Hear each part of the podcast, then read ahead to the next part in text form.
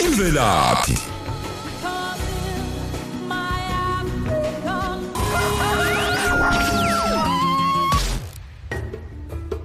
Sibingelele makatayizi idudla mfoka ngobe sikhuleke esilini singaphesheya kweziko. Hawu bantu isiphofukazi sako Mackenzie abapheki besidlo sasekuseni ngothi lwabo kanye nabalaleli bemvelaphi kulona ukhozi FM abantu bakwahlatshwayo ongwane omhayise omabhengeza. Eh labantu ke imvelaphi yabo ikhomba ukuthi labantu bangamambo nguni. Baqhamuka lapha ya eSwatini kwaDlamini kuludonga wakwaDlamini. Kuvela ukuthi ke isibongo sabo siqale ngokuthi uLdonga adliwe unkatho lwasekhaya ngesikhathi uyise ehlaba umkhonto phambi kwakhe efuna eyodwa yamadodana eyayizohamba iyokwakha ngasemngceleni ukuze iqaphe izwe lamaswati. Eh lwase unkathoko umkhonto wafika wahlaba phambi kwakhe uLdonga eh wasehamba kwakha lapha emngceleni welamaswati nelamazulu. Ngesikhathi ke abantu bebuza ukuthi hawu ubani lo sakhe lapha ewasondela emngceleni? Bebethi babephendula abantu bethi cha yilona odliwe unkatho yilona ohlatshiwe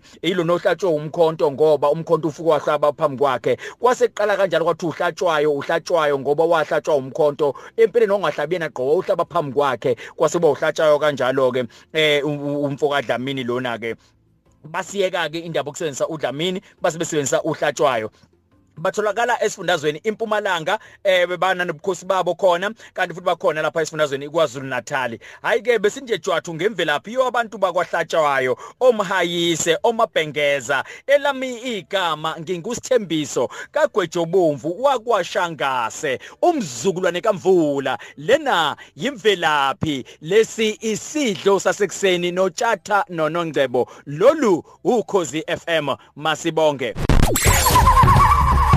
Imvelaphi